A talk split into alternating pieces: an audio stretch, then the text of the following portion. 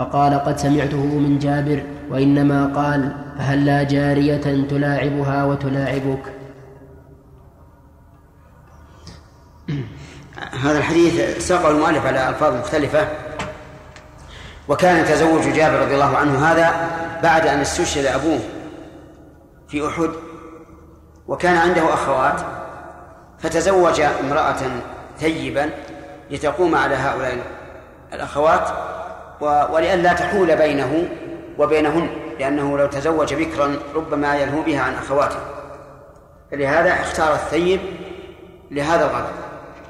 وعليه فيكون هذا غرض فيكون هذا غرضا خامسا وهو أن الإنسان يتزوج المرأة لتربي أولاده مثلا الصغار أو أخواته أو ما أشبه ذلك.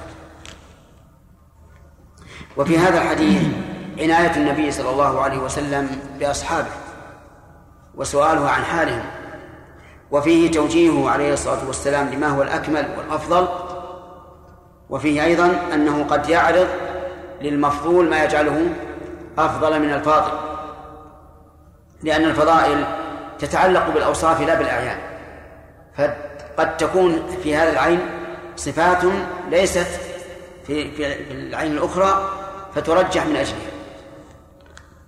نعم. حدثنا يحيى بن يحيى وأبو الربيع الزهراني قال يحيى أخبرنا حماد بن زيد عن عمرو بن دينار عن جابر بن عبد الله أن عبد الله هلك وترك تسع بنات أو قال سبع فتزوجت امرأة ثيبا فقال لي رسول الله صلى الله عليه وسلم يا جابر تزوجت؟ قال قلت نعم. قال فبكر أم ثيب؟ قال قلت بل ثيب. قال قلت بل ثيب يا رسول الله. قال فهل لا جارية تلاعبها وتلاعبك؟ أو قال تضاحكها وتضاحكك. قال قلت له إن عبد الله هلك وترك تسع بنات أو سبع وإني كرهت أن آتيهن أو أجيئهن. عندك أو سبع؟ بالفتح نعم. نعم. الفتح ولا بالجر؟ بالفتح. الفتح طيب. وإني كرهت أن آتيهن أو أجيئهن بمثلهن فأحببت أن أجيء بامرأة تقوم عليهن وتصلحهن. قال فبارك الله لك أو قال لي خيرا. وفي رواية أبي الربيع تلاعبها وتلاعبك وتضاحكها وتضاحكك.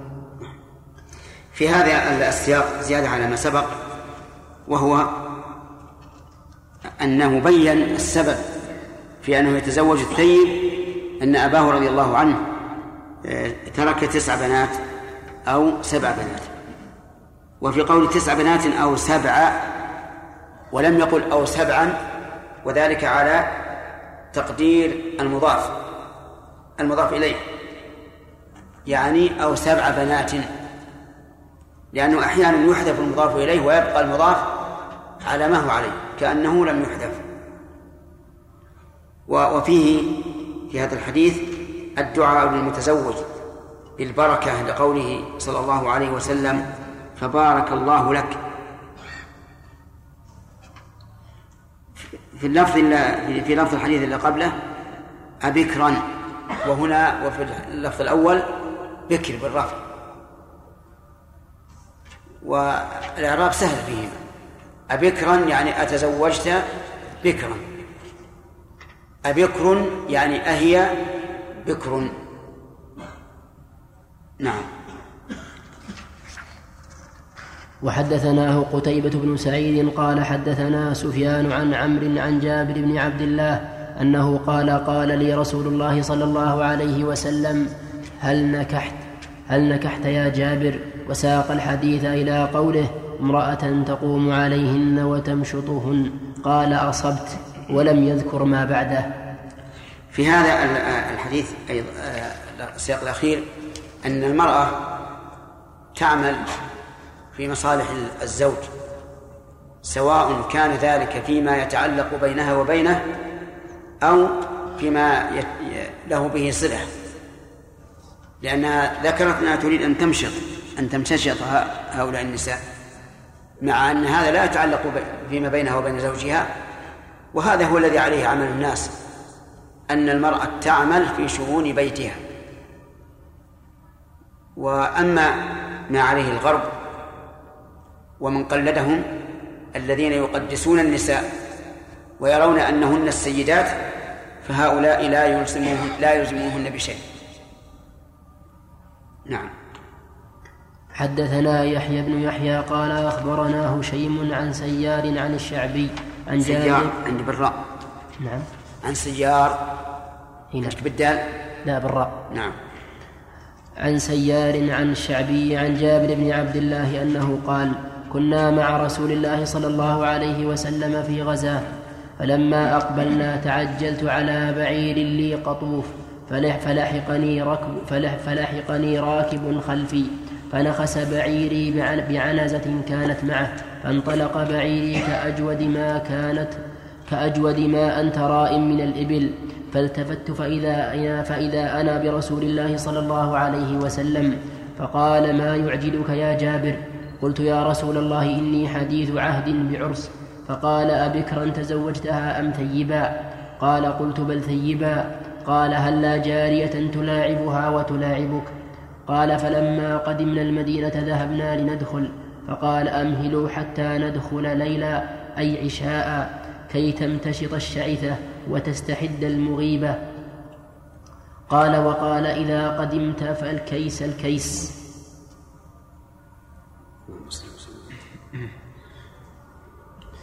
حدثنا محمد بن المثنى قال حدثنا عبد الوهاب يعني يعني ابن عبد يعني ابن يعني ابن عبد الحميد الثقفي قال حدثنا عبيد الله عن وهب بن كيسان عن جابر بن عبد الله أنه قال خرجت مع رسول الله صلى الله عليه وسلم في غزاة فأبطأ بي جملي فأتى علي رسول الله صلى الله عليه وسلم فقال لي يا جابر قلت نعم قال ما شأنك؟ قلت أبطأ بي جملي وأعيا فتخلفت فنزل, فح فنزل فحجنه بمحجنه ثم قال اركب فركبت فلقد رأيتني أكفه عن رسول الله صلى الله عليه وسلم. فقال أتزوجت؟ فقلت نعم. فقال أبكرا أم ثيبا؟ فقلت بل ثيب. قال فهلا جارية تلاعبها وتلاعبك؟ قلت إن لي أخوات فأحببت أن أتزوج امرأة تجمعهن وتمشطهن وتقوم عليهن. قال أما إن قال أما إنك قادم فإذا قدمت فالكيس الكيس. ثم قال أتبيع جملك؟ قلت نعم فاشتراه مني بأوقية ثم قدم ثم قدم رسول الله صلى الله عليه وسلم وقدمت بالغداة. فجئت المسجد فوجدته على باب المسجد. اللهم صل وسلم. فقال الآن حين قدمت؟ قلت نعم. قال فدع جملك وادخل فصل ركعتين. قال فدخلت فصليت ثم رجعت. فأمر بلالا أن يزن لي أوقية فوزن لي بلال فأرجح في الميزان. قال فانطلقت. فلما وليت قال ادع لي جابرا فدع فدعيت. فقلت فقلت الآن يرد علي الجمل ولم يكن شيء أبغض إلي منه. فقال خذ جملك ولك فقال خذ جملك ولك ثمنه. هذا الحديث أوسع سياقا مما مما سبق وفيه فوائد. منها آية من آيات النبي صلى الله عليه وسلم في قصة الجمل لأن هذا الجمل كان قد أعيا. فلحقه النبي صلى الله عليه وعلى آله وسلم وضرب الجمل ودعا فصار أشد ما يكون من من من الإبل. فصار أشد ما يكون من الإبل.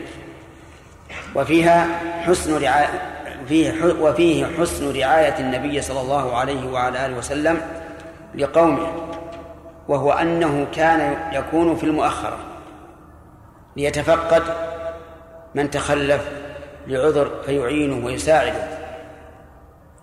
وفيه أيضا أن النبي صلى الله عليه وعلى آله وسلم قال لا نعم وفيه من الفوائد أن النبي صلى الله عليه وسلم حث جابرا على الكيس عند قدومه إلى أهله لأنه كان مشتاقا إليه بدليل أنه أعجل في, في السير فما هو الكيس؟ الكيس هو العقل أو الفطنة أو ما أشبه ذلك.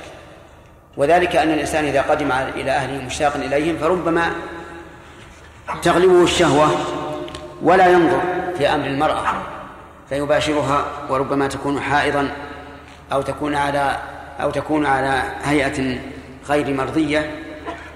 فأراد النبي صلى الله عليه وعلى آله وسلم أن يتفطن لهذا وأن لا يتسرع في الأمر. ومن فوائد هذا الحديث جواز مبايعة الرجل لرعيته أو مبايعة الإمام لرعيته. لأن النبي صلى الله عليه وعلى آله وسلم بايع جابرا بل ما كسب. قال بعنيه بأقية قال لا قال بعنيه حتى حتى باع ومن فوائد هذا الحديث حسن معاملة النبي صلى الله عليه وعلى آله وسلم لأصحابه حيث أنه لما لما أوفاه الثمن قال لبلال زن وأرجح. زن وأرجح لأن الأوقية آه، وزن ما هي عدد؟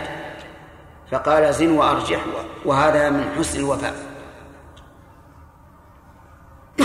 وهو نظير استسلاف النبي صلى الله عليه وعلى آله وسلم بكرا فرد خيارا رباعيا وقال خيركم أحسنكم قضاء. فإن قال قائل وهل يجوز هذا في مثل وفاء القرض؟ قلنا أما في الصفة فنعم كما يدل عليه الحديث الذي سقناه آن آنفا. فمثل إذا أعطاك إذا أقرضك أقرضك صاعا من البر فأوفيته أجود منه. صاعا أجود. فهذا لا بأس به. لأن هذا زيادة في الصفة. وأما في الكمية فلا. يعني لو أقرض لو أقرضك عشرة فأوفيته أحد عشر لم يجز. لكن لو أنه بعد الوفاء وبعد التفرق أهديت إليه هدية مكافأة فلا بأس. لكن مع القضاء لا. وفي أيضا أنه في عهد الرسول عليه الصلاة والسلام تستعمل النقود وزنا وعددا وهو كذلك. فتارة يستعملونها بالوزن وتارة يستعملونها بالعدد. وفيه استحباب صلاة الركعتين لمن قدم البلد. وقد ثبتت هذه السنة بقول النبي صلى الله عليه وسلم وفعله فكان أول ما يبدأ به المسجد يصلي فيه ركعتين. وهكذا وهنا أمر جابرا أن يصلي ركعتين. وهذه السنة لا يعلمها كثير من الناس. ولكن هل يصلي في مسجد حيه أو في أي مسجد من البلد؟ الظاهر الثاني. لكن في عهد النبي عليه الصلاة والسلام ليس به إلا مساجد قليلة في أحياء متفرقة متباعدة. أما إذا كان البلد مجتمعا فالظاهر أن الإنسان إذا مر بأول مسجد وصلى فيه ركعتين حصل المقصود. وفيه أيضا آه، أن الرسول عليه الصلاة والسلام رد الجمل على جابر بعد أن كان قد ماكسه في بيعه. فلماذا؟ قال بعض العلماء إن النبي صلى الله عليه وسلم أراد أن يتصدق على جابر فجعل فجعل المسألة على وجه البيع والشراء. لكن هذا قول ضعيف جدا بل سخيف. ما الذي يمنع النبي صلى الله عليه وسلم أن يتصدق على جابر؟ لا أحد يمنعه. ولكن الرسول عليه الصلاة والسلام أراد أن يبين حال الإنسان. كان هذا الجمل عند جابر مزهودا فيه حتى إنه أراد أن يسيبه لأنه لم لم يستطع عن الجمل أن يماشي بقية الركب فأراد أن يسيبه فاشتراه منه النبي صلى الله عليه وسلم وماكسه بعد أن ضربه وسار سيرا لم يسر مثله قط. فأراد النبي صلى الله عليه وسلم أن يبين حال المرء. كان بالأول يريد أن أن يسيبه ثم صار عنده من من أغلى ما يكون حتى إنه أبى أن يبيعه على الرسول عليه الصلاة والسلام بالأوقية أما كونه رده عليه في فيما بعد فهذا من كرمه عليه الصلاة والسلام. حيث إنه أعاد عليه جمله الذي هو جمله والذي ليس عنده غير غيره فيما يظهر لأنه لما باعه على النبي صلى الله عليه وسلم استثنى حملانه إلى المدينة. فأراد النبي صلى الله عليه وسلم أن يتفضل عليه بإهدائه بإهدائه عليه. نعم. إذا إذا علمت أن الرجل سيتزوجها بهذه النية. يعني ربما ترفض. فهل يلزمه أن يخبرها بهذه النية قبل العقد؟ لا لا يلزم ما دام العرف جار بذلك أما إذا كان العرف لم يجري به فنعم لا بد أن يبين لها. وأما إذا كان العرف جار بذلك وأن المرأة آه، تخدم الزوج في مصالح البيت فلا حاجة لاشتراطه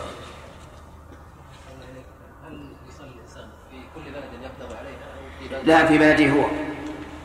الصلاة إذا رجع إلى بلده هو. نعم. لو كان مثلا حين قدومه كانت المساجد مغلقة. نعم. هل نقول إنه يصلي يصلي في بيته إذا نزل ام لا ما لا. لأن البيت ليس مسجدا. إذا كانت مغلقة وعلم الله من نيته أنه لولا أنها مغلقة لصلى فأرجو أن يثاب على هذا. نعم.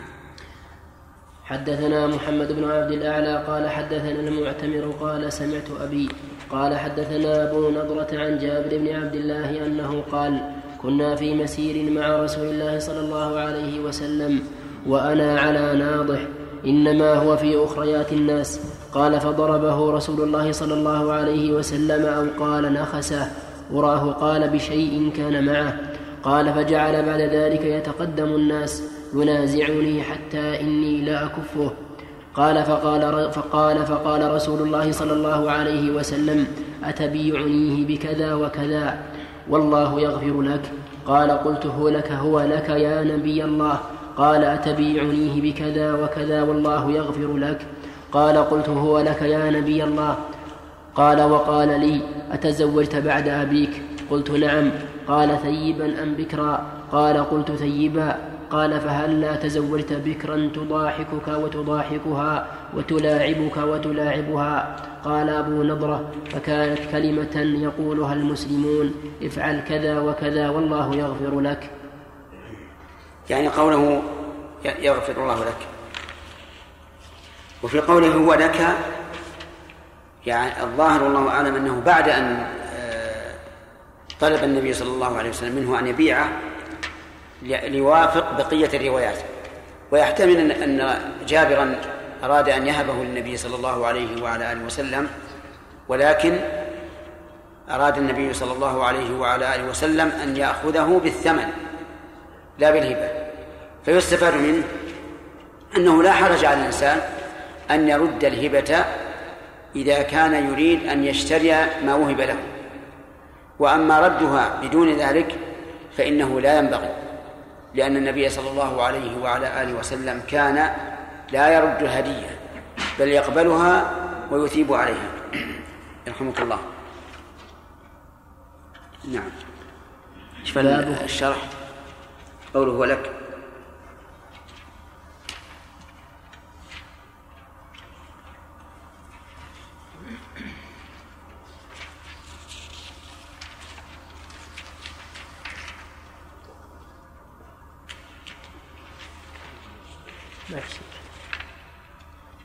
النووي ما ما ذكر شيء. ما ذكر شيء؟ ما ذكر شيء. سبحان الله.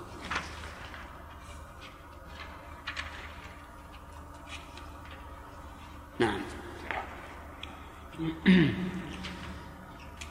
باب خير متاع الدنيا المرأة الصالحة. نعم. لا بعد كل حديث على ثلاث أسئلة نعم. حدثني محمد بن عبد الله بن نمير الهمداني قال حدثنا عبد الله بن يزيد قال حدثنا حيوة قال أخبرني شرحبيل بن أبي. قال قال أخبرني شرحبيل بن شريك أنه سمع أبا عبد الرحمن الحبل الحب الحبلي.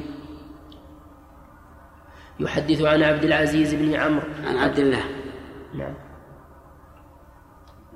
نعم. يحدث عن عبد الله بن عمرو أن رسول الله صلى الله عليه وسلم قال الدنيا متاع وخير متاع الدنيا المرأة الصالحة.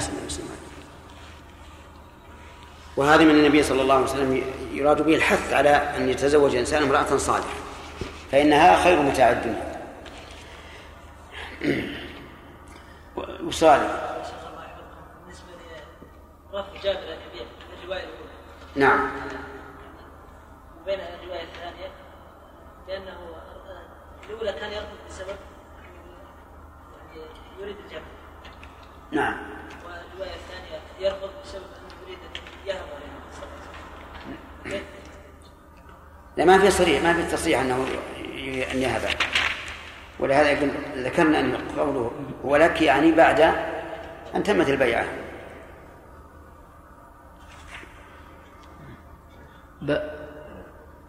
ولكن المعنى الثاني أنه ولك أراد أن يهبه له. ومن ثم احتجنا إلى مراجعة الشرح.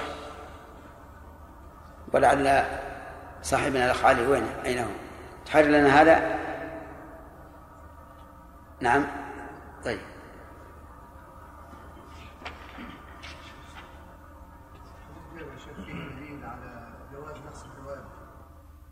على إيش؟ جواز نقص الدواب نعم لكن بعض الناس ينقص الدواب أنه يجرحه هل يجوز هذا؟ نعم هذا يقول هل في في الحديث دليل على جواز نقص الدابة؟ نقول نعم في دليل لكن بشرط أن لا يضرها بقدر الحاجة نعم إيش؟ لا لا لكل أحد هذا هذه من مسنونات السفر. إن الإنسان إذا قدم صلى ركعتين. نعم. باب الوصية بالنساء.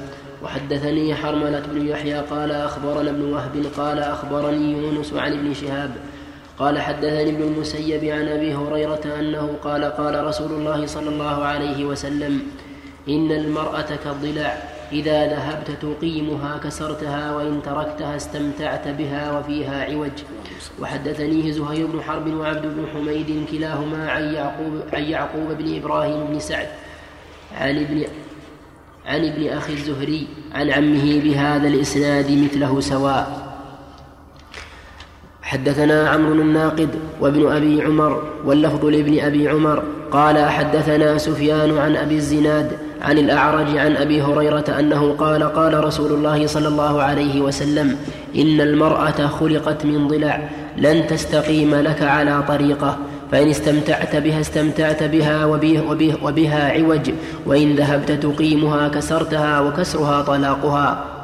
وحدثنا أبو بكر بن أبي شيبة قال حدثنا حسين بن علي عن زائدة عن ميسرة عن أبي حازم عن أبي هريرة عن النبي صلى الله عليه وسلم أنه قال من كان يؤمن بالله واليوم الآخر فإذا شهد أمرا فليتكلم بخير أو ليسكت واستوصوا بالنساء فإن المرأة خلقت من ضلع وإن أعوج شيء في الضلع أعلاه إن ذهبت تقيمه كسرته وإن تركته لم يزل أعوج استوصوا بالنساء خيرا.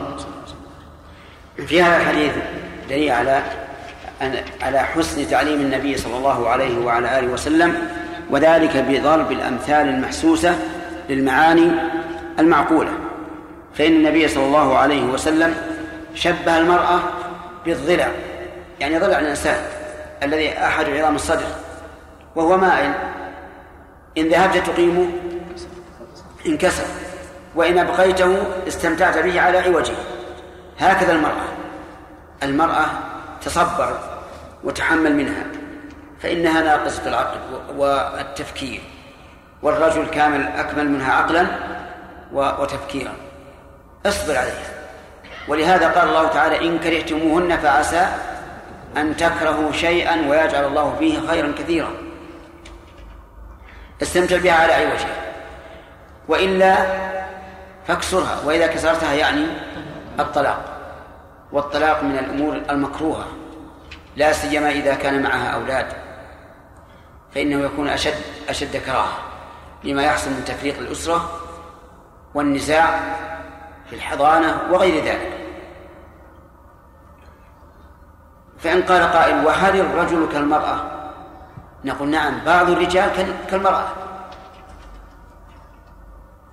كالضلع الأعوج إن استمتعت به على على على ما هو عليه مشيت معه. وإن أردت أن يستقيم فلا بد أن أن تعاديه ولا تبقى معه. فهذه قاعدة في الواقع ذكرها النبي صلى الله عليه وعلى آله وسلم في النساء لكنها عامة. كل إنسان ترى أن فيه اعوجاجا فاصبر عليه. وإلا فسيكون فراق نعم. وحدثني إبراهيم بن وحدثني إبراهيم بن موسى الرازي قال حدثنا عيسى يعني ابن يونس قال حدثنا عبد الحميد بن جعفر عن عمران بأبي أنس عن عمر بن الحكم عن أبي هريرة أنه قال قال رسول الله صلى الله عليه وسلم لا يفرك مؤمن مؤمنة إن كره منها خلقا رضي إن كره منها خلقا رضي منها آخر أو قال غيره. وحدثنا هذا أيضا في الواقع حديث يشمل النساء وغيرهن. يعني أن الإنسان يجب عليه أن يوازن بين الخير والشر وبين الرضا والغضب. لا يفرك مؤمن مؤمنة أي لا يبغضها ويكرهها بمجرد أن تسيء إليه مرة. فإن فعل التحق بالنساء ولكن عليه أن يوازن إن كره منها خلقا رضي منها خلقا آخر. فليوازن بين هذا وهذا بين المصالح والمضار. وهذا التقويم للناس واجب أن الإنسان إذا رضي كره خلقا فليرضى بالخلق الآخر. إذا أراد أن يتكلم عن شخص فليذكر محاسنه ومساوئه إن دعت الحاجة إلى ذكر المساوئ وإلا فالمحاسن.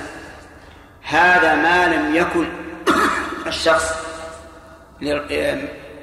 ما لم يكن تكلم في الشخص للرد على خطأ أخطأه. فإن كان لذلك فلا حاجة إلى ذكر المحاسن. لأنك لو أردت أن ترد على شخص قال قال قولا غير صحيح ثم ذكرت محاسنه مع الرد ضعف جانب الرد. وأنت لا تريد أن تقومه ولكن تريد أن تبين ما هو, ما هو عليه من خطأ. ولهذا يغلط بعض الناس في هذه المسألة. يقول لابد أن نذكر الصواب الصواب والخطأ. فنقول لكل مقام مقال. إذا كنت تريد أن تبين خطأه فليس من الحسن أن تبين صوابه ومحاسنه. لأن هذا يضعف جانب الرد. لكن إذا أردت أن تبين أن تقوم الرجل فهنا أذكر المحاسن والمساوي. إن دعت الحاجة إلى ذكر المساوي وإلا فذكر المحاسن هو الأفضل. وانظر إلى كلام العلماء في تراجم الرجال تجد الأمر هكذا. إذا أرادوا أن يقوم الشخص ويذكر حياته ذكروا ما فيه من خير وشر. وأما إذا أرادوا أن يردوا عليه فإنهم لا يتعرضون لمحاسنه وإنما يذكرون الرد الذي هو المقصود. نعم. إذا أراد أن يرد على شخص فهل يذكر قل إنه يقتصر على على ذكر المساوئ. فهل ذكره للمساوئ في في المجال الذي يرد عليه فيه فقط أو مساوئه عامة؟ إذا كان ذكر المساوئ الأخرى التي لم يخطئ فيها يعني التي لا يرد الرد عليه فيها إذا كان مما يقوي جانب الرد فليفعل. فيقال مثلا وهذا له خطأ في أعمال العباد له خطأ في القدر له خطأ في كذا حتى يقوى جانب الرد. يعني يفرض أن نريد أن نرد عليه في مسائل الصفات. نرد عليه ولا نذكر له محاسن. إذا كان يقوي الجانب جانب الرد أن نذكر آه، ضلاله في مسائل الإيمان في مسائل القدر فلنذكرها حتى يقوى جانب الرد. نعم. بالنسبة للمرأة هل هل تلزم بأن تقوم على أولاد زوجها من غيرها من غيره أم هذا هذا يرجع للعرف. هذا راجع للعرف. وعرف الصحابة كما رأيت في حديث جابر يدل على أنها تقوم على بمؤونة أولادها من أولاده من غيرها حسب العرف. عاشروهن بالمعروف. نعم. إيش؟ نعم. المعنى ان أن أعلى الضلع هو أعوج شيء فيه. وهو رقيق. سريع الانكسار. المرأة كذلك. رقيقة لكن سريعة الانكسار. نعم. الآن المس ضلعه شوف أعلاه رقيق. وهو من منحن منحن أكثر. نعم. ثلاثة ثلاثة. ثلاثة. ثلاثة؟ نعم. وحدثنا محمد بن المثنى قال حدثنا أبو عاصم قال حدثنا عبد الحميد بن جعفر قال حدثنا عمران بن أبي قال حدثنا عمران بن أبي أنس عن عمر بن الحكم عن أبي هريرة عن النبي صلى الله عليه وسلم بمثله. باب لولا حواء لم تخن أنثى زوجها الدهر. حدثنا هارون بن معروف قال حدثنا عبد الله بن وهب قال أخبرني عمرو عمرو بن الحارث أن أبا يونس مولى أبي هريرة حدثه عن أبي هريرة عن رسول الله صلى الله عليه وسلم أنه قال لولا حواء لم تخن أنثى زوجها الدهر. وحدثنا محمد بن رافع قال حدثنا الدهر بالنصب على أنه على أنه ظرف. نعم.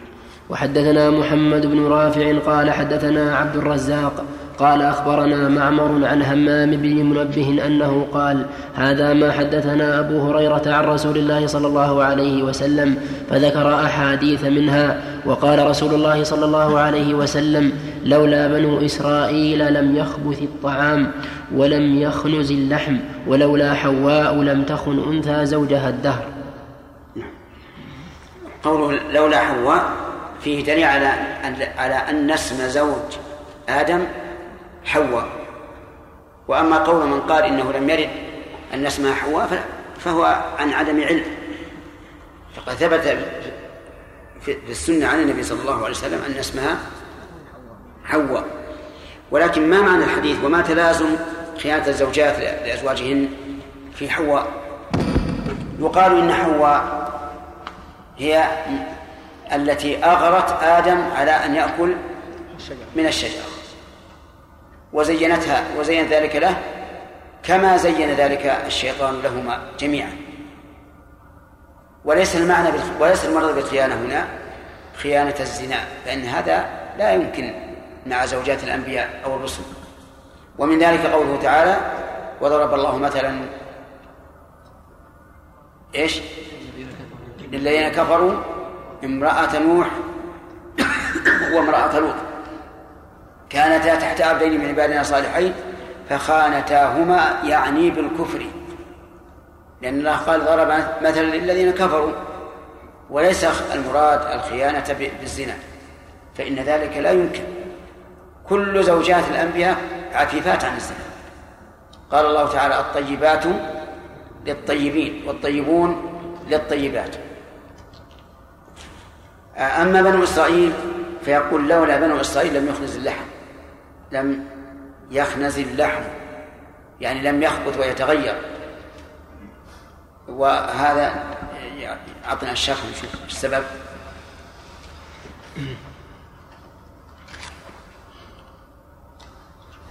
قوله صلى الله عليه وسلم لولا بنو إسرائيل لم يخبث الطعام ولم يخنز اللحم هو بفتح الياء والنون وبكسر النون والما والماضي منه خنز بكسر النون وفتحها ومصدره الخ- الخنز والخنوز وهو إذا تغير وأنتن قال العلماء معناه أن بني إسرائيل لما أنزل الله عليهم المن والسلوى نهوا عن ادخارهما فادخروا ففسد وأنتن واستمر من ذلك الوقت. هذا قريب. يعني أنهم عوقبوا بادخارهم بأن فسد الطعام وإذا فسد لم يؤكل.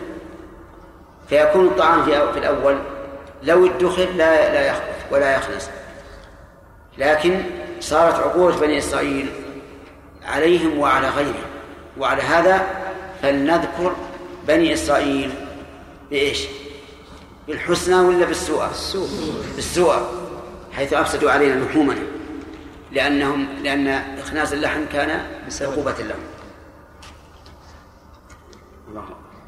وفي هذا الحديث آية من آيات الله حيث إن الله سبحانه وتعالى قد يحدث العيب في مطعوم الإنسان من أجل معصية ويكون شؤم هذه هذه العقوبة عليه وعلى من بعده. نعم. الحديث يدل على أن هو خلق من ضلع آدم. لفظ لولا حواء لم تكن مثل زوجها. ها؟ نعم نعم. كان حديث أبي هريرة.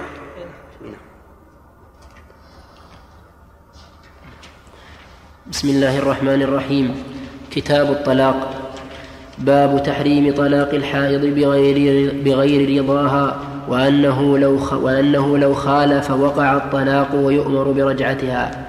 حدثنا يحيى بن قوله الطلاق هو حل قيد النكاح أو بعضه هذا الطلاق. الطلاق اسم مصدر طلق يطلق تطليقا وطلاقا. كما يقال كلم يكلم إيش؟ تكليما وكلاما. وعلى هذا فالطلاق اسم مصدر لأنه آه، تضمن معنى المصدر دون حروفه وهو في الاصطلاح حل قيد النكاح أو بعضه. حل قيد النكاح إذا كان بائنا أو بعضه إذا كان رجعيا. وهذا التعريف غير مانع لأنه يدخل فيه الفسوخ ولهذا يجب أن يزاد فيه بلفظ الطلاق أو ما تصرف أو ما كان بمعناه. حل قيد النكاح أو بعضه بلفظ الطلاق أو ما كان بمعناه. ليخرج عن هذا الفسوخ كالخلع والفراق لعيب المرأة أو لعيب الرجل أو ما أشبه ذلك. قال العلماء وحكمه أنه تجري فيه الأحكام الخمسة. الأصل فيه الكراهة. ويباح ويستحب ويجب ويحرم. والأصل فيه الكراهة. يباح عند الحاجة إذا احتاج الزوج إلى الطلاق بحيث لا يمكن الصبر مع الزوجة فهنا مباح.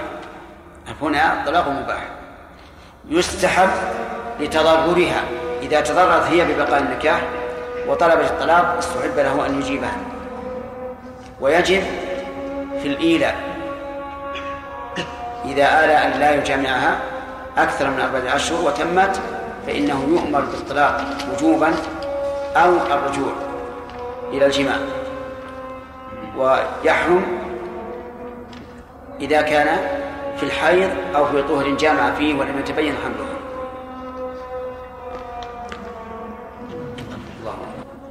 بسم الله الرحمن الرحيم. الحمد لله رب العالمين والصلاة والسلام على المبعوث رحمة للعالمين وعلى آله وأصحابه ومن تبعه بإحسان إلى يوم الدين. أما بعد فهذا بحث حول ما ورد في حديث جابر من روايات تذكر امتناع جابر عن البيع أولا وروايات تذكر رضاه وروايات تذكر هبته الجمل للنبي صلى الله عليه وسلم. أولا ذكر الروايات في ذلك. للبخاري. قال بعنيه فقلت بل هو لك يا رسول الله. قال بل بعنيه قد أخذته بأربعة دنانير. للبخاري ومسلم. قال أفتبيعنيه؟ قال فاستحييت ولم يكن لنا ناضح غيره. قال فقلت نعم فبعته إياه. ولهما ثم قال بعنيه بأوقية قلت لا ثم قال بعنيه بأوقية فبعته. ولمسلم ثم قال لي بعني جملك هذا؟ قلت لا بل هو لك. قال لا بل بعنيه. فقلت لا بل هو لك يا رسول الله. قال لا بل بعنيه. وله. قال أتبيعنيه بكذا وكذا والله يغفر لك. قلت هو لك يا نبي الله. قال ذلك ثلاثة. ولهما. فقال أتبيع الجمل؟ فقلت نعم. فلما قدمنا المدينة وللنسائي وكانت لي إليه حاجة شديدة. وعند أحمد من رواية وهب بن كيسان عن جابر أتبيعني جملك هذا يا جابر؟ قلت بل أهبه لك.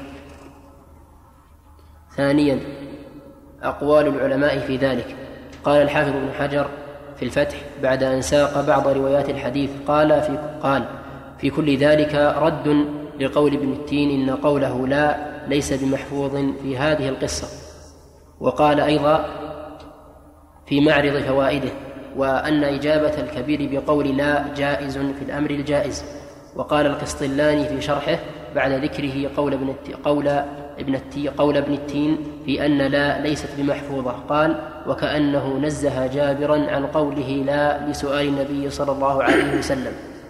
لكن قد ثبت قوله لا لكن النفي متوجه لترك البيع. وعند أحمد من رواية ابن وهب بن كيسان أتبيعني جملك هذا يا جابر؟ قلت بل أهبه لك.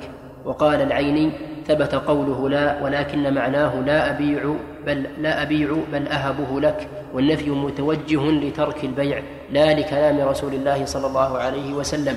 والدليل عليه رواية وهب بن كيسان عند أحمد المذكورة. فإن قلت جاء في رواية أحمد فكرهت أن أبيعه قلت كراهته لوقوع صورة البيع بينه وبين رسول الله صلى الله عليه وسلم لأن قصده كان صور لأن قصده كان صورة الهبة. فالكراهة لا ترجع إلى سؤال رسول الله صلى الله عليه وسلم ولكن لما سأله ثانيا أجابه بالبيع امتثالا لكلامه. وقال السندي في حاشيته على سنن النسائي قوله فقلت لا إما للحاجة إليه في السفر وذاك منعه عن البيع أو لأنه أراد أن يأخذه النبي صلى الله عليه وسلم بلا بدل فامتنع عن البيع لذلك. وقال الشيخ عبد الله البسام في توضيح الأحكام من بلوغ المرام والامتناع من البيع عليه لأجل الزيادة في الثمن أو عدم الرغبة في البيع لا يعد معصية لأمره صلى الله عليه وسلم فإن مثل هذه الأمور ليست على وجه العبادة والإلزام وإنما هي عقود مباحة ترجع إلى العادات فيكون فيها خيار الطرفين. وأيضا في الرواية الأخرى قال لا أبيع بل أهبه لك. هذا ما تيسر جمعه في ذلك والله أعلم. الظاهر الجمع هو أنه لما قال أتبيع أتبيعني قال بل أهب. قال بل بعنيه. وأن الرسول صلى الله عليه وسلم كره أن يأخذه بالهبة كما كره أن يأخذ البعيرين الذين الذين هاجر عليهما بالهبة. قال بل بالثمن. فلما رآه أنه يريد أن يشتريه وأن المسألة من باب المعاوضة فقال بعنيه بأوقية قال لا. بهذا يحصل الجمع إن شاء الله تعالى ويزول الإشكال. أنه لما طلبه الرسول عليه الصلاة والسلام أراد جابر أن يهبه. فقال لا بل بعنيه وحينئذ دخلت المعاوضة والمماكسة ولا حرج فيها لأن النبي صلى الله عليه وعلى آله وسلم حينما قال بعنيه لا يريد بذلك إلزامه إنما هو طلب في طالب معاملة والإنسان فيها حر. أي نعم. بسم الله الرحمن الرحيم. الحمد لله رب العالمين وصلى الله وسلم على عبده ورسوله نبينا محمد وعلى آله وصحابته أجمعين. قال الإمام مسلم رحمه الله تعالى في كتابه الصحيح بسم الله الرحمن الرحيم كتاب الطلاق باب تحريم طلاق الحائض بغير بغير رضاها وأنه لو خالف وقع الطلاق ويؤمر برجعتها. قال مسلم رحمه الله حدثنا يحيى سبق لنا أن الطلاق ينقسم في أحكامه إلى خمسة أقسام. قلها. القسم الأول الأصل فيه الكراهة. تمام. القسم الأول الكراهة هو الأصل. طيب هنا نحتاج إلى دليل أو تعليل. الدليل ما يذكر أن الرسول صلى الله عليه وسلم قال أبغض الأحلال إلى الله الطلاق لكن هذا الحديث ضعيف. بقي عندنا إيش؟ التعليل وهو أن في أن بالطلاق تكون تفك يكون تفكك الأسر وتفويت المصالح التي من أجلها أمر الشرع بالنكاح.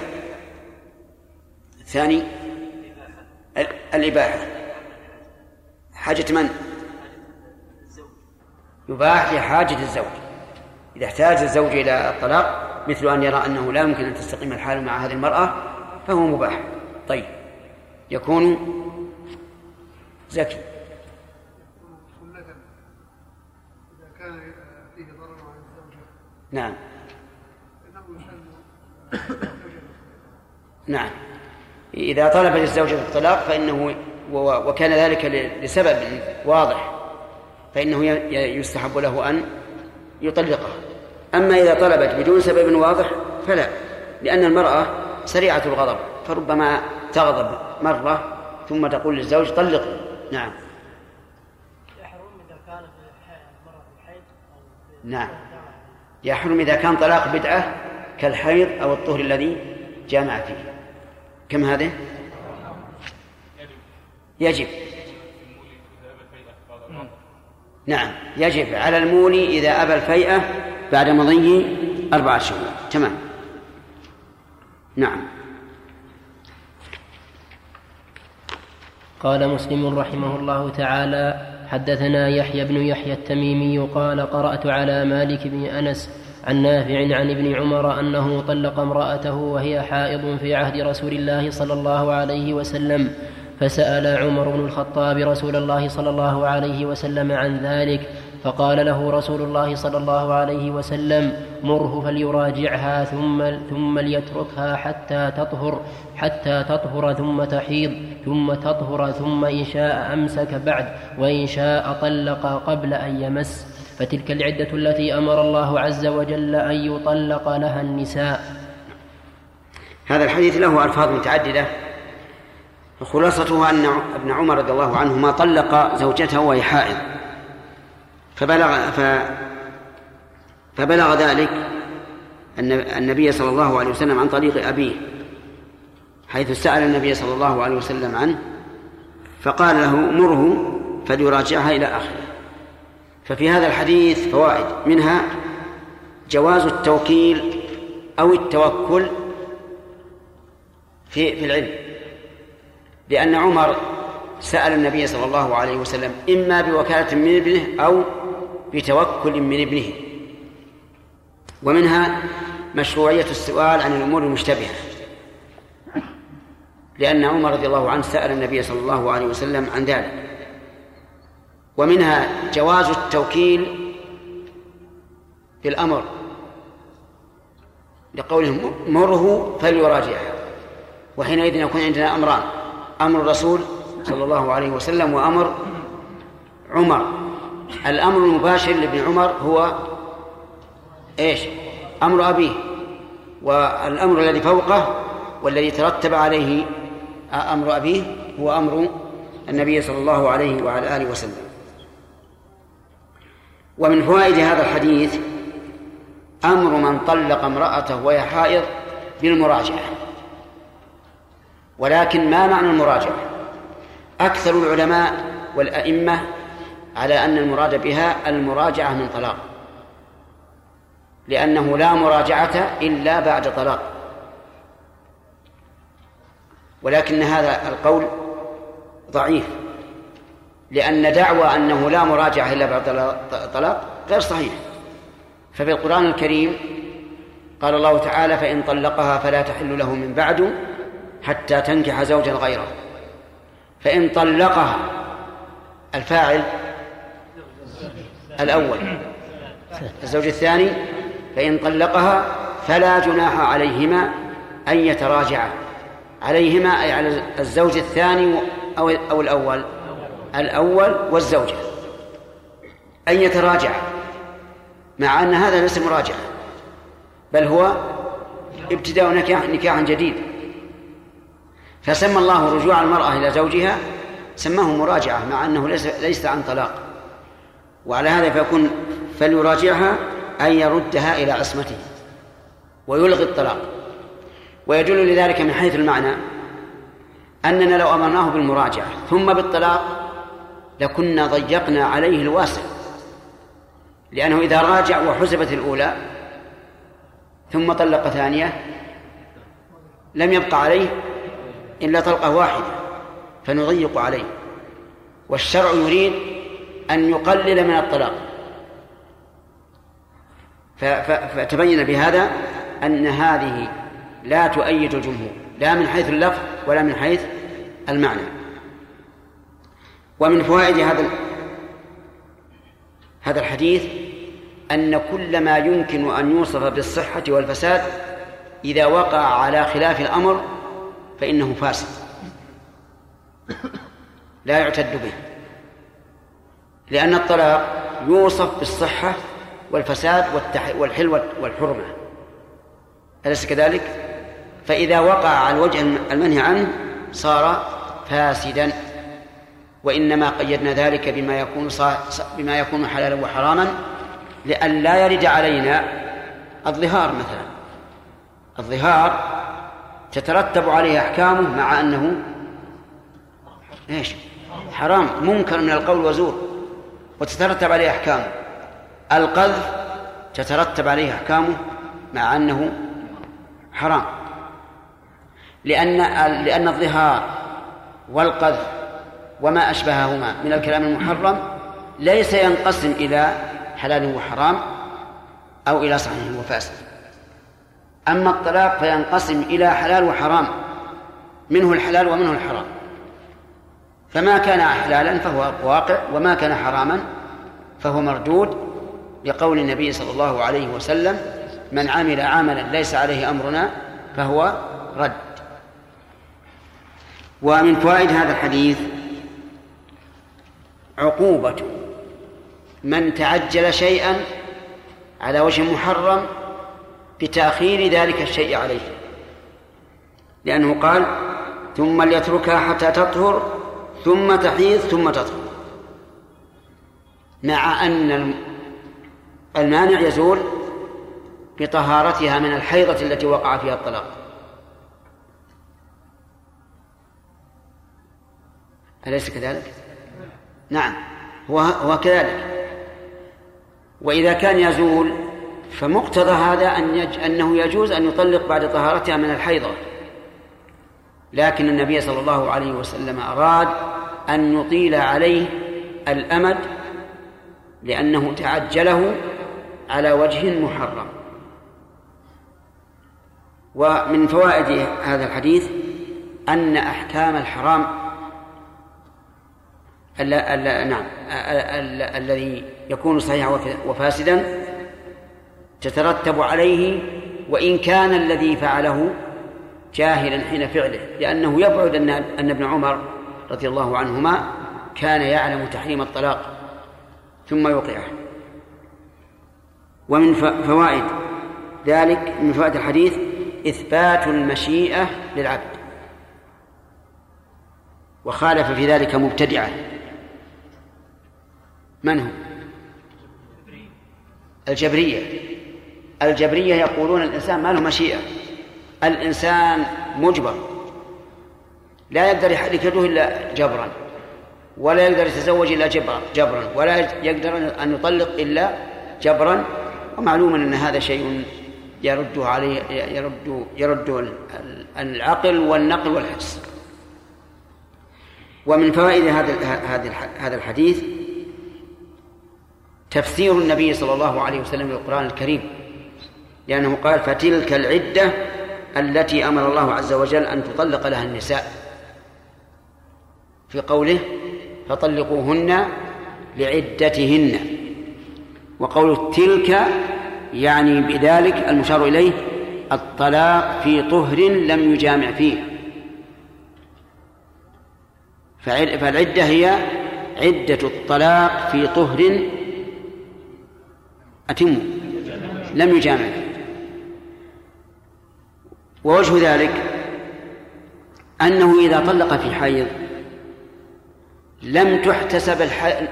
بقية الحي... الحيضة فهي لاغية فلا يكون طلق للعدة. وإن طلق في طهر جامع فيه فالعدة مشتبهة. لا ندري أتحمل من هذا الجماع؟ فتكون العدة بوضع الحمل. أو لا تحمل فتكون العدة بالأقراء فالعدة إذا مشكوك فيها. لم يطلق لعدتهن إذ أن العدة الآن ما ما يعلم ما هي. أهي وضع الحمل أو هي الأقرأ. لماذا؟ لأن من الجائز أن تحمل من هذا الجماع. وإذا كان من الجائز المحتمل المحتمل فإنه لم يطلق للعدة. أفهمتم يا أخوان؟ بهذا نعجب أن القول الراجح في تكرار صيغة الطلاق أن أن ما زاد على الواحدة لا يقع. ما زاد على الجملة الواحدة لا يقع. يعني مثلا لو قال الرجل لزوجته أنت طالق اليوم يعني أقول قال لو قال اليوم لزوجته أنت طالق وفي اليوم السبت قال أنت طالق وفي يوم الأحد قال أنت طالق دون دون رجوع بينها. فإنها لا تطلق إلا واحدة.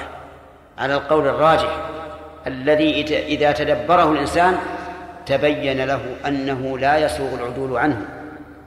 وإن كان الجمهور على خلافه لأن الطلقة الثانية والثالثة ليست العدة ثبتت العدة بماذا؟ بالطلقة الأولى. فوقعت الثانية والثالثة بغير عدة. ولهذا لو أنه لو طلق اليوم في ظهر لم يجامع فيه ثم حاضت ثم طلق ثانية بدون بدون رجعة فهل تستأنف العدة وتلغي الطلق الحيضة الأولى أو لا تستأنف؟ لا تستأنف حتى على المذهب. لا تستأنف. فيقال الآن الطلقة الثانية التي وقعت بعد الحيضة هل طلق هل طلق للعدة؟ هل طلق بها للعدة؟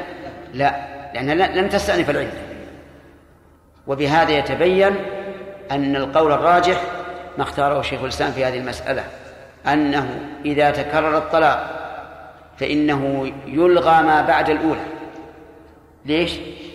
لأنه وقع على غير العدة فيكون مخالفا لأمر الله تبارك وتعالى في قوله طلقوهن لعدتهن وحينئذ ينطبق عليه الحديث من عمل عملا ليس عليه أمرنا فهو فهو رد. طيب. ومن فوائد هذه هذا الحديث أن الإنسان إذا سمى الله عز وجل فينبغي أن يضيفه بقوله تعالى أو عز وجل أو جل ذكره أو ما أشبه ذلك. كما أنك إذا قلت قال رسول الله تتبعه بقولك صلى الله عليه وسلم فالله أحق أن يثنى عليه. تقول مثلا حفظك الله تعالى وما أشبه ذلك. لكن هذا يبدو لي من مما يمر علينا من السنة أنه ليس في التأكد كالصلاة على النبي صلى الله عليه وسلم. وذلك لأنه يجب على من سمع ذكر الرسول أن يصلي عليه ولا يجب على من سمع ذكر الله أن يثني عليه لأن مجرد الاسم ثنى على الله عز وجل مجرد اسم الله ثنى على الله عز وجل حيث وصفته بالألوهية التي لا لا تحصل لا لا تصلح إلا إلا لله عز وجل.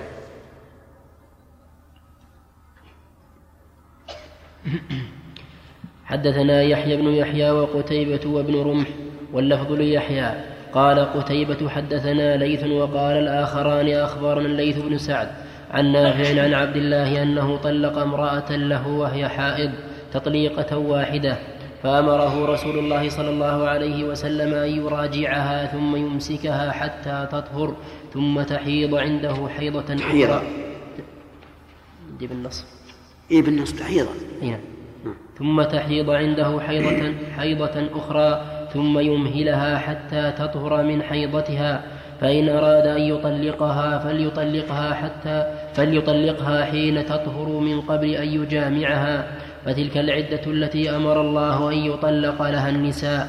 وزاد ابن رمح في روايته وكان عبد الله إذا سئل عن ذلك قال لأحدهم أما أنت أما أنت طلقت امرأتك مرة أو مرتين فإن رسول الله صلى الله عليه وسلم أمرني بهذا وإن كنت طلقتها ثلاثا فقد حرمت عليك حتى تنكح زوجا غيرك وعصيت الله فيما أمرك من طلاق امرأتك قال مسلم جود الليث في قوله تطليقة واحدة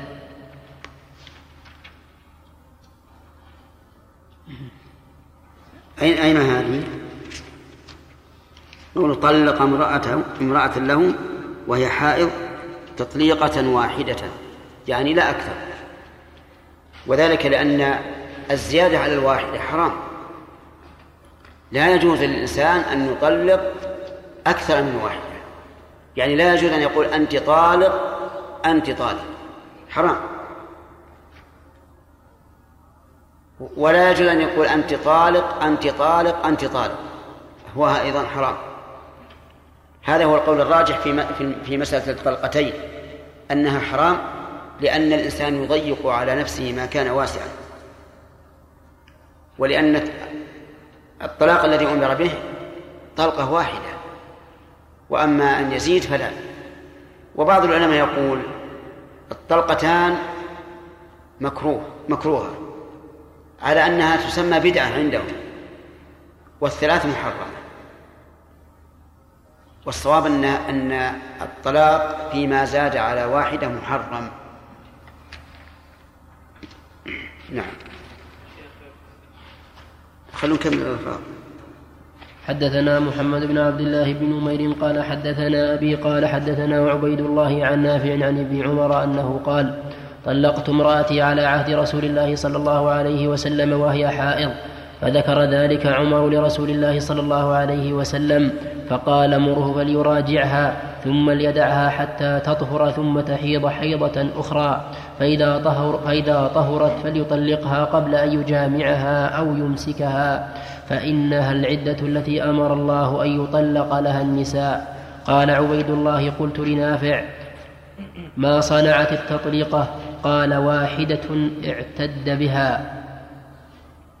وحدثناه أبو بكر بن أبي شيبة وابن المثنى قال حدثنا عبد الله بن إدريس عن عبيد الله بهذا الإسناد نحوه ولم يذكر قول عبيد الله لنافع.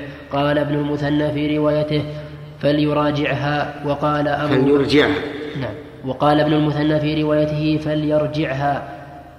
وقال أبو بكر فليراجعها. وحدثنا زهير بن حرب قال حدثنا إسماعيل عن أيوب عن نافع أن ابن عمر طلق امرأته وهي حائض فسأل عمر النبي صلى الله عليه وسلم فأمره أن يراجعها ثم يمهلها حتى تحيض حيضة أخرى ثم يمهلها حتى تطهر ثم يطلقها قبل أن يمسها فتلك العدة التي أمر الله أن يطلق لها النساء. قال فكان ابن عمر إذا سئل عن الرجل يطلق امرأته وهي حائض يقول أما أنت طلقتها واحدة أو اثنتين إن رسول الله صلى الله عليه وسلم أمره أن يرجعها ثم يمهلها حتى تحيض حيضة أخرى ثم يمهلها حتى تطهر ثم يطلقها قبل أن يمسها. وأما أنت طلقتها ثلاثا فقد عصيت ربك فيما أمرك به من طلاق امرأ من طلاق امرأتك وبانت منك. حدثني عبد بن حميد قال أخبرني يعقوب يعقوب بن إبراهيم قال حدثنا محمد وهو ابن أخي وهو ابن أخي الزهري عن عمه. قال أخبرنا سالم بن عبد الله أن عبد الله بن عمر قال طلقت امرأتي وهي حائض فذكر ذلك عمر للنبي صلى الله عليه وسلم فتغيظ رسول الله صلى الله عليه وسلم ثم قال مره فليراجعها حتى تحيض حيضة أخرى مستقبلة. سوى حيضتها التي طلقها فيها فإن بدا له أن يطلقها فليطلقها طاهرا من حيضتها قبل أن يمسها. فذلك الطلاق للعدة كما أمر الله. وكان عبد الله طلقها تطيقة واحدة فحسبت من طلاقها وراجعها عبد الله كما أمره رسول الله صلى الله عليه وسلم. وحدثنيه وحدثنيه إسحاق بن منصور قال أخبرنا يزيد بن عبد ربه قال حدثنا محمد بن حرب قال حدثني قال حدثني الزبيدي عن الزهري بهذا الإسناد غير أنه قال قال ابن عمر فراجعتها وحسبت لها التطليقة التي طلقتها. وحدثنا أبو بكر بن أبي شيبة وزهير, وزهير بن حرب وابن نمير واللفظ لأبي بكر قالوا حدثنا وكيع عن سفيان عن محمد بن عبد الرحمن مولى آل طلحة عن سالم عن ابن عمر أنه طلق امرأته وهي حائض فذكر ذلك عمر للنبي صلى الله عليه وسلم فقال مره فليراجعها ثم ثم ليطلقها طاهرا أو حاملا. وحدثني أحمد بن عثمان بن وحدثني أحمد بن عثمان بن حكيم الأودي قال حدثنا خالد بن مخلد قال حدثني سليمان وهو ابن بلال قال حدثني عبد الله بن دينار عن ابن عمر أنه طلق امرأته وهي حائض فسأل عمر فسأل عمر عن ذلك رسول الله صلى الله عليه وسلم فقال مره فليراجعها حتى تطهر ثم تحيض حيضة أخرى ثم تطهر ثم يطلق بعد أو يمسك. وحدثني علي بن حجر السعدي قال حدثنا إسماعيل بن إبراهيم عن أيوب عن ابن سيرين قال مكثت عشرين سنة قال مكثت عشرين سنة يحدثني من لا أتهم أن ابن عمر طلق امرأته ثلاثا وهي حائض فأمر أن يراجعها.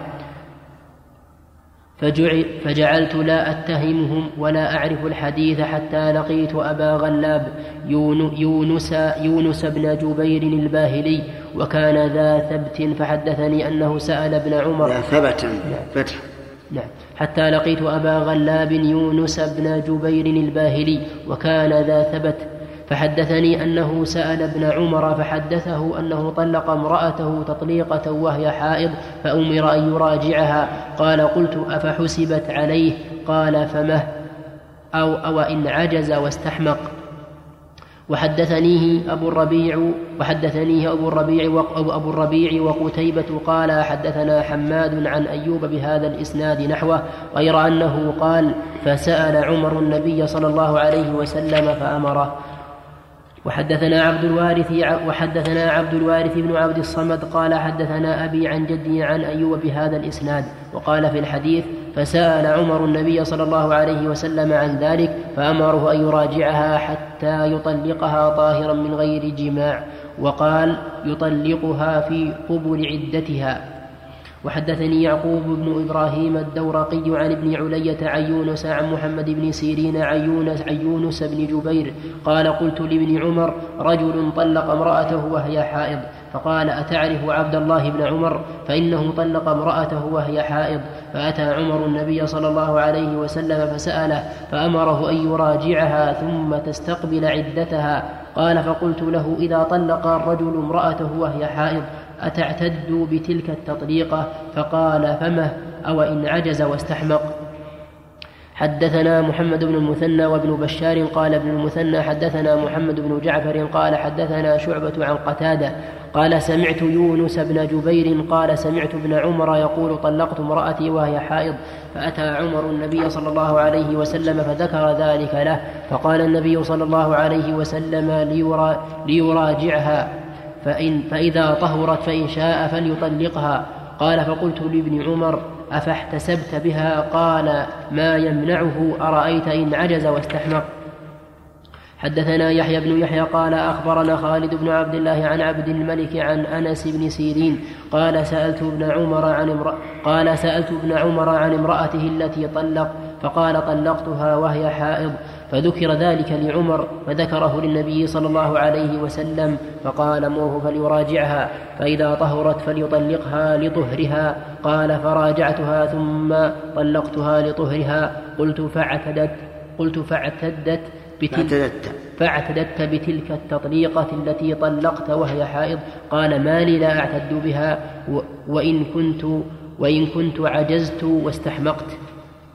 حدثنا محمد بن المثنى وابن بشار قال ابن المثنى حدثنا محمد بن جعفر قال حدثنا شعبة عن أنس بن سيرين أنه سمع ابن عمر قال طلقت امرأتي وهي حائض فأتى عمر النبي صلى الله عليه وسلم فأخبره فقال مره فليراجعها ثم إذا طهرت فليطلقها. قلت, قلت لابن عمر أفاحتسبت بتلك التطليقة؟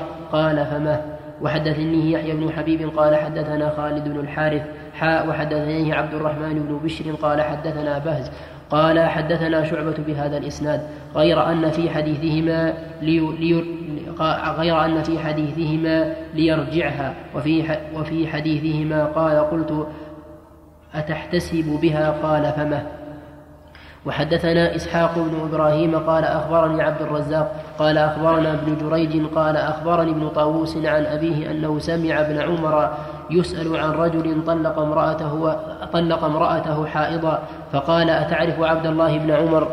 قال نعم. قال فإنه طلق امرأته حائضا فذهب عمر إلى النبي صلى الله عليه وسلم فأخبره الخبر فأمره أن يراجعها. قال قال لم أسمعه يزيد على ذلك لأبيه. وحدثني وحدثني هارون بن عبد الله قال حدثنا حجاج بن محمد قال قال ابن جريج أخبرني أبو الزبير أنه سمع عبد الرحمن بن أيمن مولى عزة يسأل ابن عمر وأبو الزبير يسمع ذلك كيف ترى في رجل طلق امرأته حائضا؟ فقال طلق ابن عمر امرأته وهي حائض على عهد رسول الله صلى الله عليه وسلم فسأل عمر رسول الله صلى الله عليه وسلم فقال إن عبد الله بن عمر طلق امرأته وهي حائض فقال له النبي صلى الله عليه وسلم ليراجعها فردها وقال إذا طهرت وقال إذا طهرت فليطلق أو ليمسك قال ابن قال ابن عمر وقرأ النبي صلى الله عليه وسلم يا أيها النبي إذا طلقتم النساء فطلقوهن في, فطلقوهن في قبل عدتهن.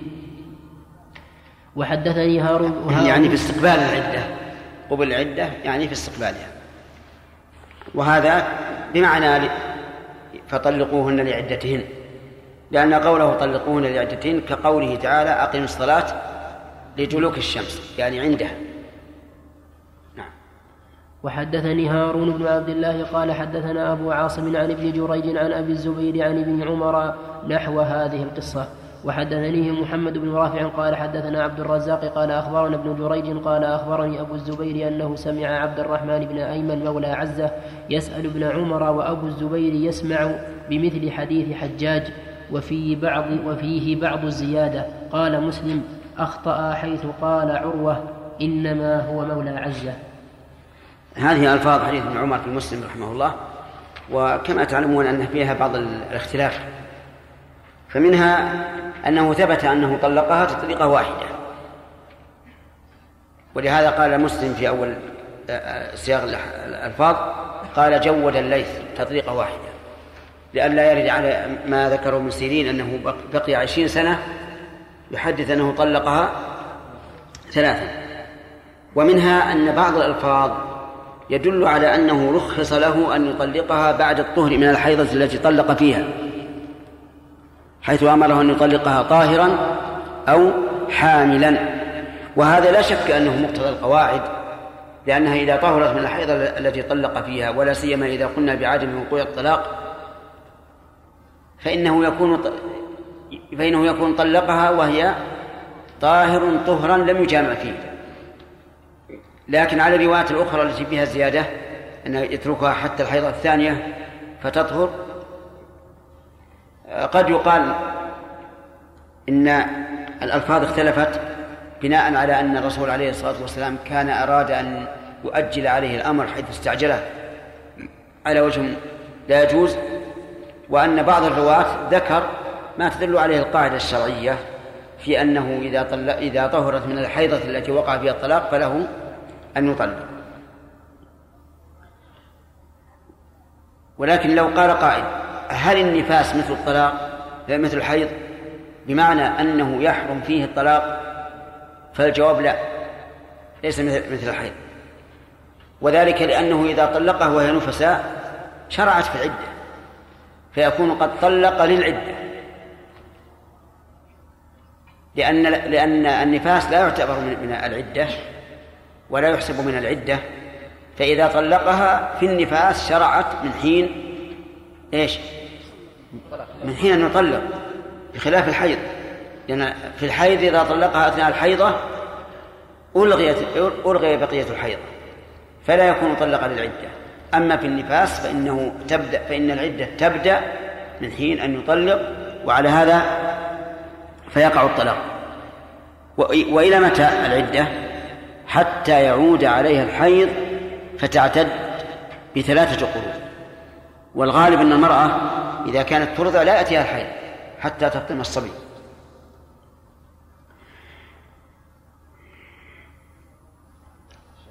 نعم. وفيها أيضا تغير تغير الرسول عليه الصلاة والسلام. يدل على تحريم الطلاق في الحيض. ومن أجل ذلك غضب النبي صلى الله عليه وعلى آله وسلم.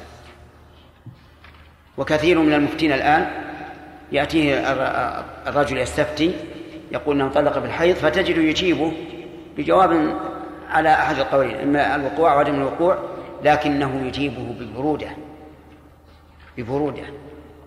وهذا لا ينبغي. ينبغي أن الإنسان في هذه الحال يظهر الغضب والسخط لهذا الفعل المحرم. حتى يكون متأسيا بمن؟ برسول الله صلى الله عليه وسلم. كذلك في الطلاق الثلاث.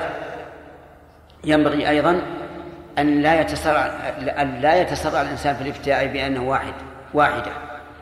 لأنه إذا تسرع في الحال صار كأنه شيء حلال. بل كما يقول العوام يرص, يرص المستفتي ويكلف عليه ويشق عليه.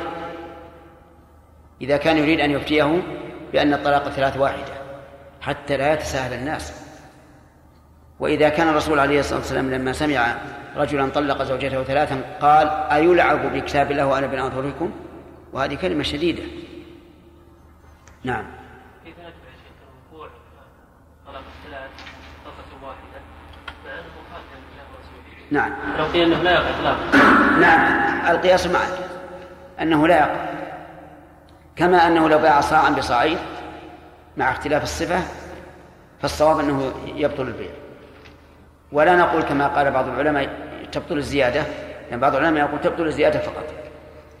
نقول بذلك أن الحديث صريح في أن الطلاق الثلاث في عهد الرسول واحدة ولهذا لم يذهب إلى أنه الطلاق الثلاث لاغي إلا الرافضة. الرافضة يقولون إذا طلق ثلاثا فلا طلاق. لا واحدة ولا ثلاثة. هذا هذا مقتضى القياس ولكنه ما دام جاءت في السنة بأنه واحدة فلا عدول لنا عنه عنها. نعم يا خالد. هل نقول انتظر إلى الطهر الأول وطلق فيه أو الطهر الثاني؟ على اختلاف الروايتين. نعم. أنا ارى, أرى أن يساس الناس في هذا. إذا كثر الطلاق في الحيض ينبغي أن يساسوا بأن لا يسمح لهم بالطلاق إلا بعد الحيضات الثانية. وإذا كان هذا الإنسان جاهل ولا يدري والمسألة قليلة الوقوع فيقال إذا طهرت فإن شئت طلق وإن شئت فلا تطلق.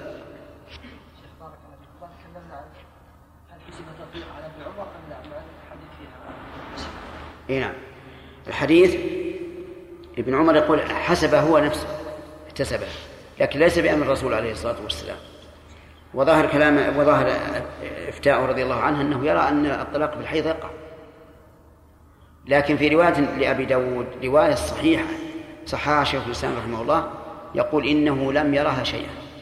لم يرها شيئا. أظن الشيخ الإسلام صححها. النبي. النبي. ولهذا تأولوها. تأولها من يرى أنه يقع قال لم يرها شيئا يحسب أو يعتد به أو ما أشبه ذلك. ها؟ ثلاثة؟ ما يخالف. هذا طويل الحديث. نعم يا سليم. أعطي ثلاثة اللي يؤخذ يا شيخ من من أمر الرسول صلى الله عليه وسلم لعمر مراجعه مراه عبد الله بن عمر. إنها كانت في عصمته ما كانت في ما ياخذ كذا يا شيخ؟ هذا هذا الشيخ الإسلام لكن جمهور العلماء يقول لا. لأن فليراجعها لا مراجعة إلا بعد ثبوت الطلاق. والحقيقة لو نظرنا إلى ألفاظ الحديث لقلنا أنه يؤيد رأي الجمهور. لكن إذا نظرنا إلى القواعد الشرعية العامة تبين أن أن الصواب أنه لا يقع. نعم. في بعض الروايات قوله قد يرجعها هذا يؤيد يؤيد القول أنها لا تحسب الطلقة. لأن الإرجاع هذا أيضا اختلاف الألفاظ في يراجع أو يرجع. لأن يرجع أدل على أن المراد ان أنها باقية في عصمته. نعم. بارك الله فيك. قلنا من قبل شيخ أنه لا يعني ما نسأل الذي أتى يسأل عن الطلاق ما نسأله هل هو طلقها في طور جماعة فيه أو طلقها في حيض أو ما شابه نعم. لا مو لسنا لا يلزمنا أن نسأل. أو لا يلزمنا نعم. هو ما قال لي شيخ هل نسأله؟ ما نسأل. ابدا. إلا إذا كانت المسألة يعني مجهولة عند الناس فربما نقول اسأل لكن الأصل أن أننا لا نسأل لأننا قررنا فيما في باب الفتوى أو في باب آداب المفتي أنه لا يلزم السؤال عن عن الموانع. لازم السؤال. ولا ولا لو لو, لو قلنا لازم السؤال عن الموانع الإنسان إذا جاء الإنسان يسألنا يقول بعت بيتي على فلان بثمن معلوم بعد ملك إياه هل يلزمنا أن نقول هل بعت بعد أذان الجمعة؟ نعم. ما يلزم.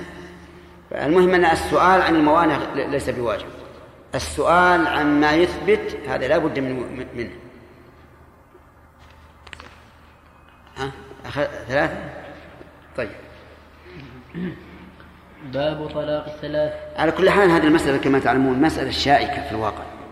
يعني يكون الأئمة الأربعة وجمهور الأمة على وقوع الطلاق في الحيض الإنسان يتهيب أن يخالف هؤلاء.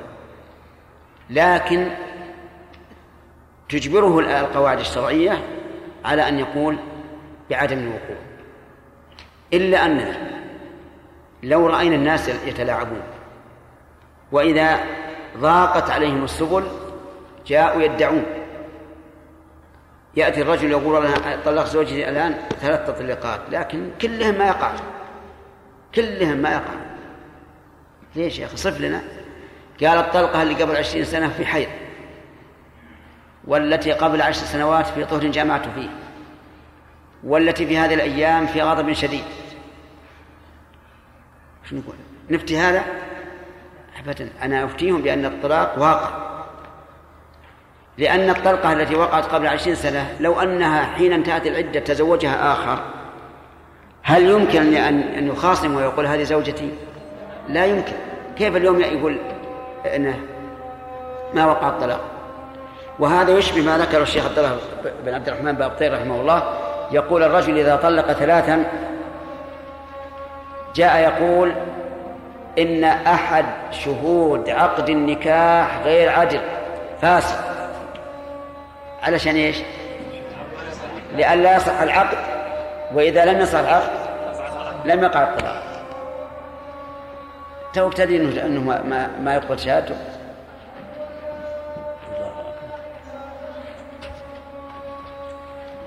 الله أكبر الله أكبر الحمد لله رب العالمين صلى الله وسلم على عبده ورسوله نبينا محمد وعلى آله وصحابته أجمعين. قال الإمام مسلم رحمه الله تعالى في كتابه الصحيح قال المترجم رحمه الله باب طلاق الثلاث. قال مسلم رحمه الله حدثنا إسحاق بن إبراهيم سبق الكلام على مسألة طلاق الحائض وبيان الحديث فيها وبيان أن القول الراجح أنه لا يقع الطلاق. ومن أراد مزيدا من هذا البحث فليرجع إلى كتاب زاد المعاد لابن القيم وكتاب تهذيب السنن أيضا لابن القيم فقد أجاد فيه وأفاد. وبعد أن يقرأه الإنسان هذا البحث يجد أنه لا بد من القول بأنه لا يقع وأنا حدثتكم كثيرا عن القواعد العامة في الشريعة.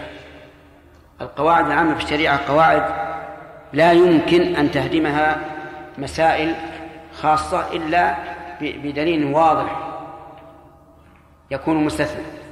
وإلا فالأصل بقاء القواعد على ما هي عليه والقاعدة العامة التي هي التي تعتبر نصف الدين قول النبي صلى الله عليه وسلم من عمل عملا ليس عليه أمرنا فهو رد. أي نعم. ولكن على كل حال من أراد المزيد في هذه المسألة الهامة فليرجع إلى ما ذكرنا لأني لما رأيت كلاما أوفى من كلام ابن القيم رحمه الله في هذا الموضوع.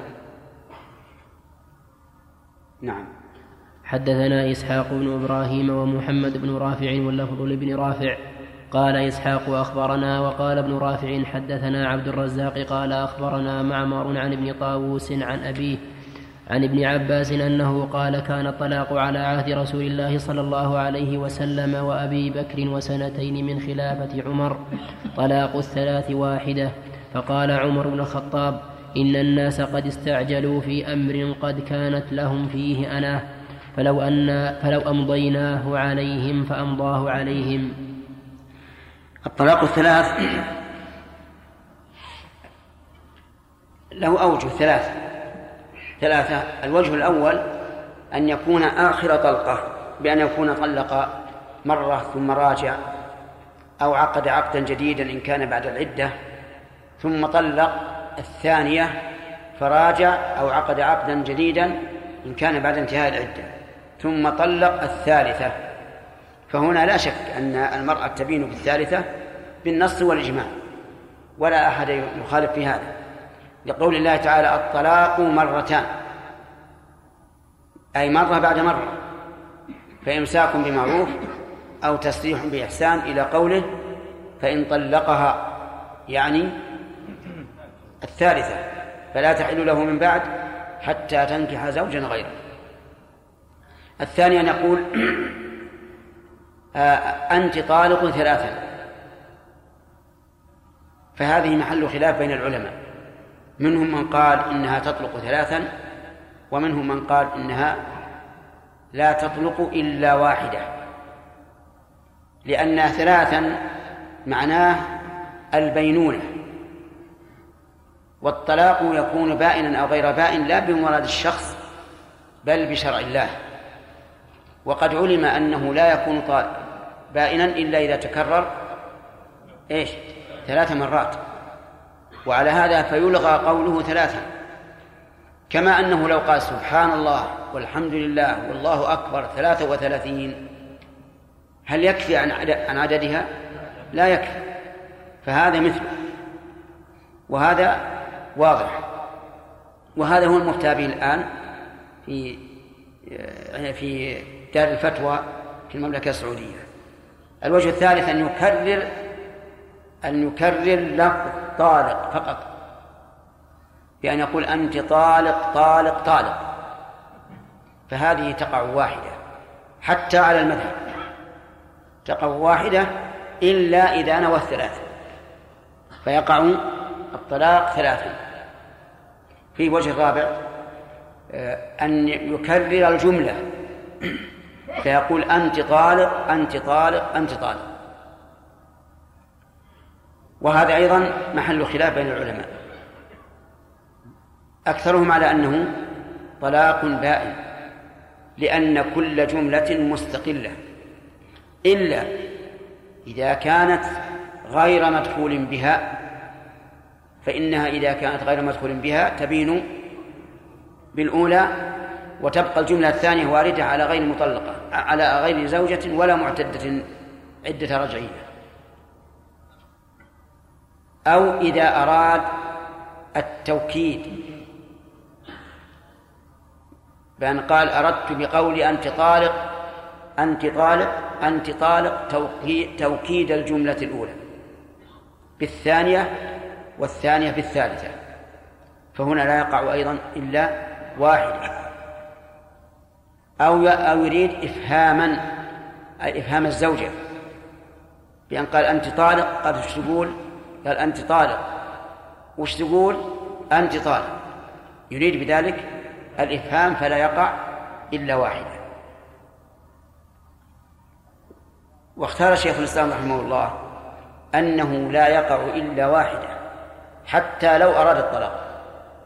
وهذا القول هو الراجح. للأدلة التي ستذكر. أنه لا يقع إلا واحدة. لأنه إذا قال أنت طالق طلقت. فإذا قال أنت طالق مرة ثانية لم يصح. لأنها ترد الجملة الثانية على مطلقة. فلا يمكن أن يكون إلا توكيدا أو لغوا. وأما أن يكون تأسيسا معتبرا فلا.